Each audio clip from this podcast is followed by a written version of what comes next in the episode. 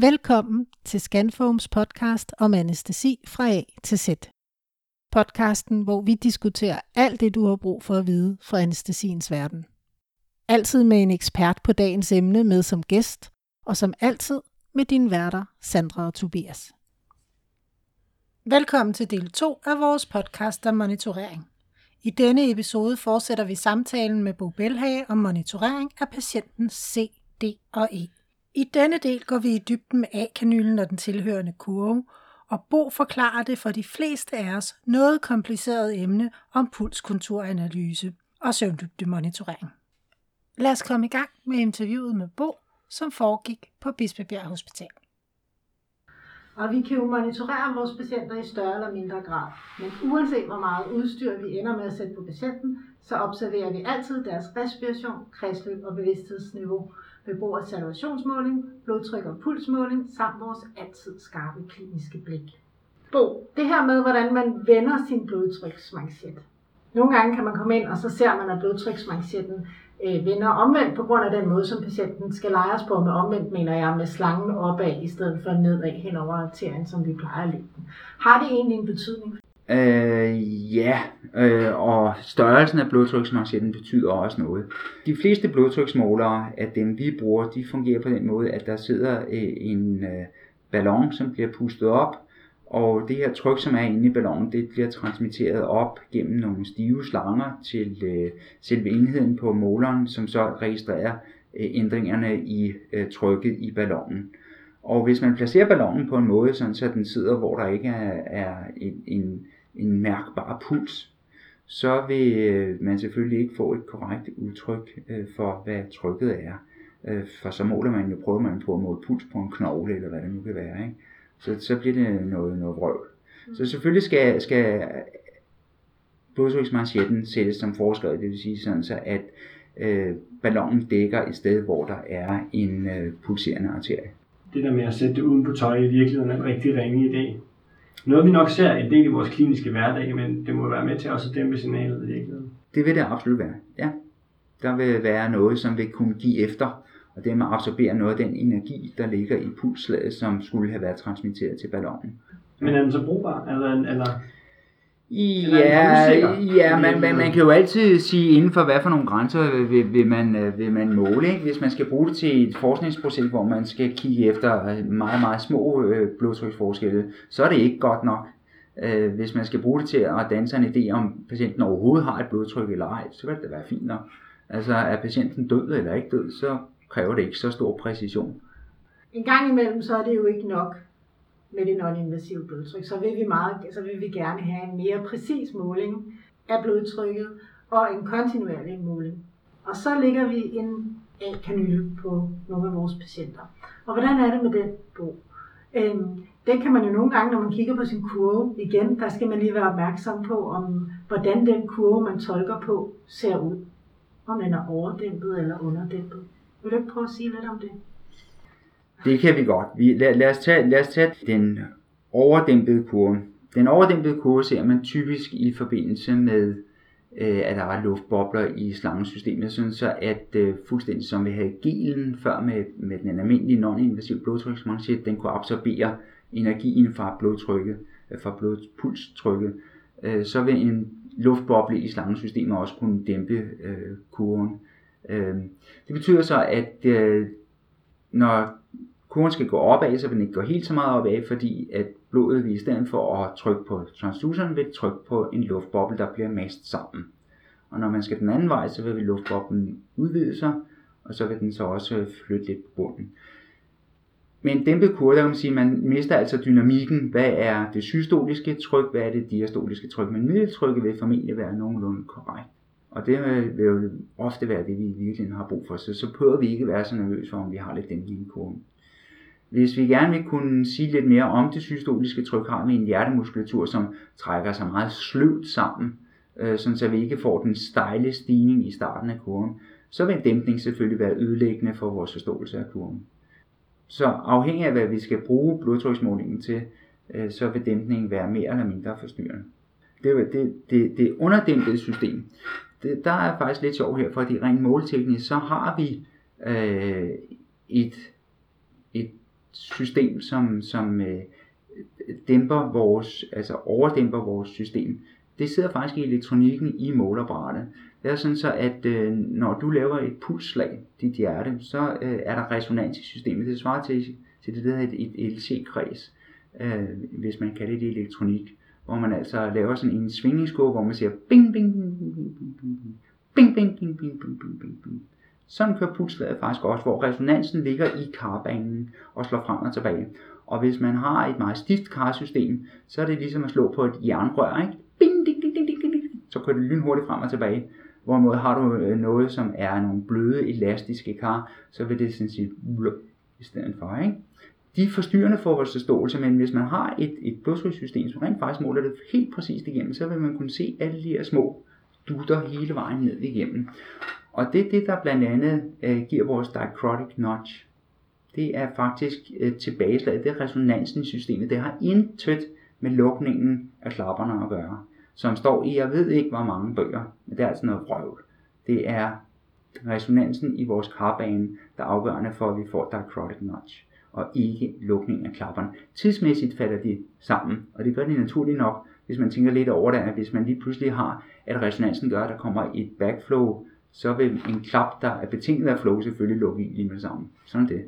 Øh, men overdæmpning, det, det er faktisk noget, vi gør med vilje for, at vores øh, forståelse af blodtryk ikke bliver forstyrret. Så er der nogle teknikker, der har gjort det for os. Og Bo, hvad er det her pulskontoranalyse egentlig for noget? Før der snakker vi lidt om, om overdæmpning og underdæmpning.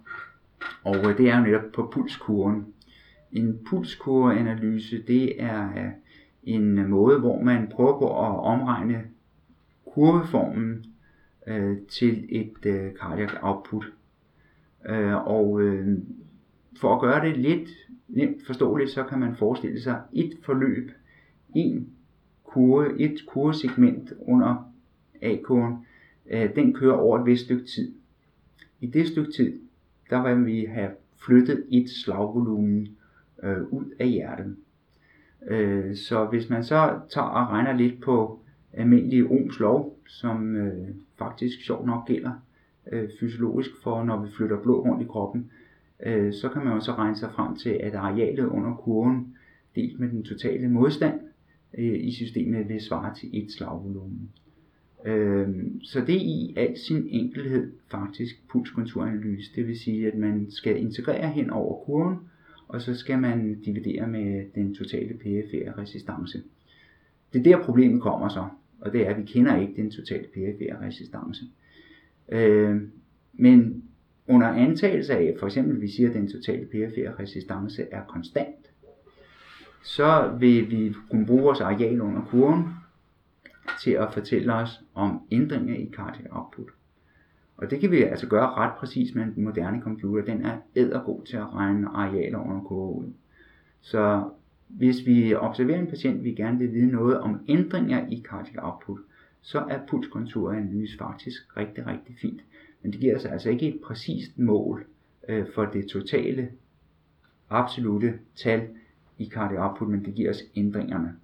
Og det gør det fint, så længe vi i øvrigt ikke piller ved patientens øh, karstatus men karstatus er jo alt andet lige relativt modulerbar, især i øh, anestesi, i forhold til de pressestoffer, vi benytter os af, men også de anestetikum, som vi benytter os af, som kan dilatere karne rigtig meget. Fuldstændig rigtigt, fuldstændig rigtigt. Og så begynder det efterhånden at blive lidt mudret, ikke? Ja, det er det. øhm, så er det, at man må kunne kalibrere øh, systemet af til. Øh, og der er jo lavet masser af forskellige metoder at kalibrere på. Ikke? Øh, den vi bruger for eksempel på intensiv, hvor vi bruger øh, Pico, det er en kalibreringsmetode, hvor man så kan sige, nu antager vi, at patienten har en anden total PFR resistance øh, end tidligere. Den er ændret, så derfor så laver vi en ny kalibrering. Og derfra der kan vi så måle kortvarige, hurtige ændringer.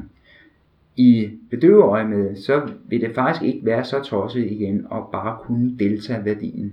Øh, det vil vi typisk gøre, at vi har en patient liggende på lejet, Øh, vi vil gerne sikre os, at patienten har en korrekt væskestatus, ikke er hypovolem.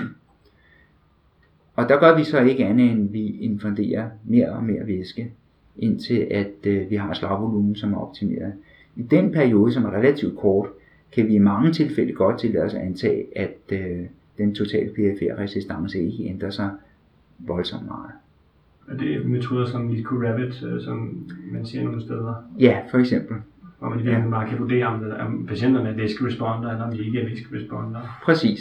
Præcis. Så er det pointen, at det er ikke, det er ikke nødvendigvis så vigtigt at vide, om slagvolumen er 400 eller 500, men mere om, hvorvidt vi kan optimere den eller ikke kan optimere den i forhold til Præcis. patientens aktuelle. Præcis. Det er også derfor, at ved, ved normal slagvolumenoptimering, der arbejder man i ændringer i procent og ikke i absolut tal. Nej. Så der siger man 10% ændring ved en fusion af 250 ml væske, så har vi en responder. Det er sådan en af reglerne, der findes mange forskellige regler, mange forskellige algoritmer for at gøre det, men det er i hvert fald en simpel en, som er tit brugt. Og så længe man får respons på en væskeinfusion, så er øh, man stadigvæk til en vis grad hypovolen. Som øh, en del af vores standardmonitorering bruger vi trepunkts EKG, og til tider, hvis vi tænker, der er være mistanke om en patient med iskemisk hjertesygdom eller lignende, øh, kunne vi finde på at bruge et fempunkts EKG, men jeg tænker jo, Bo, hvor stort udbytte har vi i virkeligheden ved at påsætte et, øh, et fempunkts EKG i forhold til at stille diagnoser eller monitorere tendenser øh, eller iskemi? Ja, altså der, der er jo et par elektroner, som kommer ned og sidde, øh, sådan så man får noget, der minder om en øh, prækordial øh, afledning, eller et par af dem. Og øh, der vil man så på den måde kunne få lidt bedre indblik i forskydninger, især i ST-segmentet, som er det, der oftest bliver brugt maskinelt øh, til at sige noget om eventuelt øh, pågående iskemi. Jeg tror ikke, at der er nogen, der egentlig vil mene, at selv et 5 punkt øh, eller 5 aflednings EKG vil være mere præcist end at man får en, en warning, man får at vide, der kunne være noget i gang nu. Sådan så at det er rationelt at gøre, at sige, der er måske noget i gang. Vi antager det værst mulige, så vi sørger for, at øh, vi har en velventileret patient med passende mængde ilt. Vi sørger for, at der er en passende mængde hemoglobin. Øh, prøver på at optimere hjertets egen oxygenering bruger måske og sikre også, at der ikke er for høj frekvens øh, osv. Og så i øvrigt følge op på det med øh, øh, vores øh, kardielle markører, øh, blodprøver, øh, TNT, CK, CKMB osv. Jeg tror, det, det vil være den, den, øh, den mest rationelle form, øh, brug af fem aflednings EKG'et. Findiagnostik skal vi over på et øh, 12 aflednings. Så har vi vist snakket nok om C. Ja, nu er det nok. Nu er det nok. Nu er det nok. Og så kan vi jo bevæge os videre til D. Og D, når man sådan øh, som helt øh, ung medicinstuderende og læge øh, skal lære sin ABCDE, så bliver der pisket ind, at man skal huske sit blodsukker. Og det hører selvfølgelig også med under D i anestesi. Men en af de ting, vi jo også tænker på under D i anestesi, det er søvn. Og hvordan vores patient sover. Og så har vi jo det her begreb, der hedder søvndybde monitorering, som jo er en helt ny verden og noget, man ikke har mødt før, når man kommer ind i anestesien. Og man skal lære nogle nye forkortelser som BIS og NIRS og bo søvndybde monitorering. Søvndybde monitorering øh, øh, har været omkring i efterhånden mange år. Og der har været bølger op, og der har været bølger ned.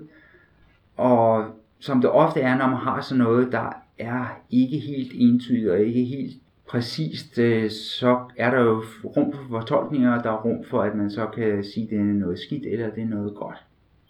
Og det er nok der, vi befinder os med hensyn til BIS-måling, øh, det vil sige bispektral måling. Øh, princippet i måleren er, at den måler ved to forskellige øh, øh faser af hjernebølger, øh, og det gør den sådan som et slags meget, meget, meget primitivt EEG. Og når der er forskydning mellem de to faser i EEG'et, så øh, tager man det til udtryk for, at så har man en patient, som har ændret sin øh, vågenhedsstatus. Den antagelse i sig selv, som altså er den fysiologiske basis, er der nok ikke særlig mange, der kan blive særlig enige om. Så vi måler altså som udgangspunkt på noget, vi egentlig ikke rigtig kan blive enige om, at det er det, vi skal måle på, at det siger noget. Øh, og der er der også igennem tiderne lavet mange forsøg på at validere den her maskine, øh, hvor at det, det går galt i mange af tilfældene, og nogle går det godt i. De forsøg, som viser, at maskinen kan måle noget om søvndybde, de har ofte haft det tilfælde, at de har målt ved meget, meget tunge situationer, sådan så at man har slukket stort set for alt inde i hovedet. Øh, og dermed så har man også slukket for apparatet udsving, og så har man sagt, at apparatet giver ikke noget udsving, så er der ikke noget inde i hovedet. Øh, og så ekstrapolerer vi det til også at gælde mellemområdet. Og det tror jeg, man skal nok passe rigtig meget på. At bare fordi, at øh, apparatet kan sige 0, så er det ikke sikkert, at det kan sige 5 med særlig stor præcision. Så det er et problem i sig selv. Så er der lavet nogle meget flotte forsøg, som øh, Øh, jeg tror det var en australsk forskningsgruppe, der gjorde det, og vi har haft en enkelt seance her på afdelingen, hvor at, øh, vi har set en meget, meget fin video af nogle af vores udmærkede kolleger, som har fået et hug relaxans. Det har de fået efter, at de har fået anlagt en øh, blodtomhedskof på den ene hånd. Det vil sige, at de har fået relaxans. De er fuldt vågne inde i hovedet, øh, men de kan godt bevæge armen, som jo ikke er blevet lammet, fordi den ikke har kunnet få relaxans. På den måde at de kunne trykke hånd som svar på ja eller nej. Så har man observeret søvndybdemåleren imens. Og søvndybdemåleren den er sådan set faldet dybt langt ned og sagt, at de her øh, frivillige forsøgspersoner, som altså har været fuldstændig vågne, at de sov grundigt. Og de kunne da svare på spørgsmål med ja og nej, mens at søvndybdemåleren påstod, at de sov dybt. Det gør at tilliden til søvndybdemåleren ikke er voldsomt stor. Jeg vil sige, en rationel, fornuftig brug af søvndybdemåler vil i mine øjne være, at man bruger det som et hint. Så hvis søvndybdemåleren lige pludselig af en eller anden grund siger, patienten sover ikke, øh, så skal man da lige gennemgå sine ting og sager, og se om man også ved sin almindelige sunde og gode observationskraft kan øh, afgøre, om patienten sover eller ej. Dertil kommer, at søvndybdemåling overhovedet ikke fungerer, hvis vi bruger anestetika, som øh, ikke får hjernen til at sove. Det vil fx sige ketamin. Øh, der vil den tværtimod nærmest gå opad, selvom patienten er dybt langt væk. Så der er nogle problemer omkring bismåling. Jeg er ikke selv den store tilhænger, men øh, som et hint kan man måske godt bruge den. Er der så nogle patienter, hvor det vil være mere brugbart? Nogle operationer?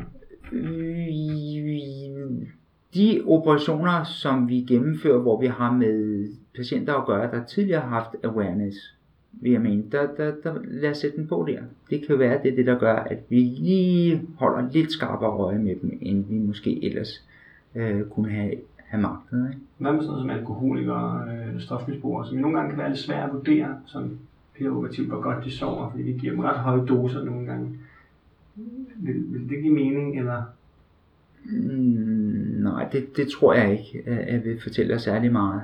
Jeg, jeg tror ikke, de, de vil gøre det. Altså, de, de alkoholikere, altså en, en, en, en dement person, som har en degenerativ hjernelidelse, herunder alkoholmisbrug, vil ofte ligge lavere på bismåleren, selvom de faktisk er vågne, fordi den, den øh, degenererede hjerne ikke afgiver så meget signal. Så bismåleren vil opfatte det som, at nu sover de godt. Så, så jeg, vil, jeg vil mene, at der kunne måske godt risikere en enkelt falsk øh, ja, falske sovende patient, det kunne vi risikere der. Nå, men det var jo bismålingerne, ikke? Så er der jo Nielsen. Jo, øh, og, og Nielsen er på mange måder øh, også fornuftig. Det er igen, hvordan man bruger apparatet, hvordan man, man, man opfatter det tal, man får ud af apparatet. Nielsen, som er en forkortelse for Near Infrared Spectroscopy, øh, kan sådan lidt populært sagt øh, siges at være en venesaturationsmåler, hvor den øh, måler i en vævsblok af ukendt størrelse, af ukendt dybde, måler den, hvad den venøse saturation kunne tænke sig at være. Øh, den venøse saturation er jo øh, i ekvilibrium med øh, vævsaturationen. Der har været en, en ligevægt som er opstået gennem kapillæret fra start til slut af kapillæret. Sådan så at en kan også sige at være en vævsoxygeneringsmåler. Øh, jeg tror, at øh, de fleste er enige om, at hvis man sætter en, en nirsmåler på en muskel og måler på, hvordan den ændrer sig, når man beder musklen om at arbejde, at den ekstraherer mere og mere ilt fra det blod, den får, og dermed falder i sin venøse situation, så, så er vi alle sammen nok ret enige om, at den måler rimelig godt og rimelig pålideligt. Øh, der hvor vi har problemet er, når vi gerne vil prøve på at måle den venøse situation inde i øh, hjernevæv. Fordi der skal vi altså gennem noget hud, vi skal gennem noget knogle, og der er som bekendt øh, blod begge steder, der kan øh, bidrage til det signal, som NIRS-maskinen måler. Øh, og dermed så får vi altså kun af NIRS-maskinen, når vi sætter den på hovedet, måler en fraktion af det, vi gerne vil måle, nemlig øh, hjernens venøse saturation. Det betyder også, at der er en masse fejlkilder, når man aflæser tallet. Og der er man nødt til at kigge på lidt fysiologi, tænke på lidt fysiologi samtidig, og øh, husk på, at hjernen har autoregulation. Det betyder, at øh, hvis man har situationer, hvor vi har faldende blodtryk, vi har faldende cardiac output for så vidt også, øh, så vil hjernen altid være det organ, som sørger for, at det er højst prioriteret i blodtilførselskæden, kan man sige. Så hjernen, når der er nogen, der får nogen væv, der får blod i systemet overhovedet, så er det formentlig hjernen. Det vil sige, hvis vi har øh, en faldende nirs, så kan der være et stort bidrag, som kommer fra huden, fordi huden har ikke højeste prioritet. Knoglerne har egentlig heller ikke højeste prioritet.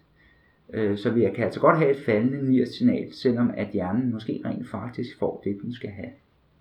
Omvendt kan man sige, og det er her, at øh, vi her på afdelingen måske har brugt niersen, synes vi selv nogenlunde fornuftigt, det er, vi har sagt, hvis vi har en situation, hvor at niersen går opad, eller holder sig fra sit udgangsniveau, så er det svært at forestille sig, at hudperfusionen er gået op, knogleperfusionen er gået op, men hjerneperfusionen er gået ned.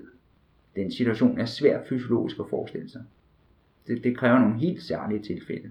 Så hvis vi bruger niersen, og vi siger, jamen, det kan godt være, at vi har haft lidt faldende kardioput, det kan godt være, at vi har haft lidt faldende tryk, men niersen har hele tiden holdt sig på det niveau, som da vi startede så føler vi nok i høj grad, at vi har safe ground under fødderne, for det er svært at forestille sig, at vi ikke har det. Så det er sådan en, en omvendt, omvendt konklusion, som altid skal tages med rigtig meget forbehold. Og igen, det er et hint. Hvis vi får øh, en faldende niers, vi ved, at hjernen er allermest afhængig af cardiac output. Så hvis vi får en faldende niers, tjek er cardiac output i orden. Det skal være vores konklusion der. Er patienten hypovolem. Det er den hyppigste årsag til falder. Så NIRS-signalet kan give os nogle fornuftige handlinger, men det kræver altså, at vi forstår, at signalet er ikke den hellige grav her i verden, eller noget som helst andet. Grav hedder det jo. Det sidste bogstav i det anestesiologiske alfabet. Det er E. Det er E.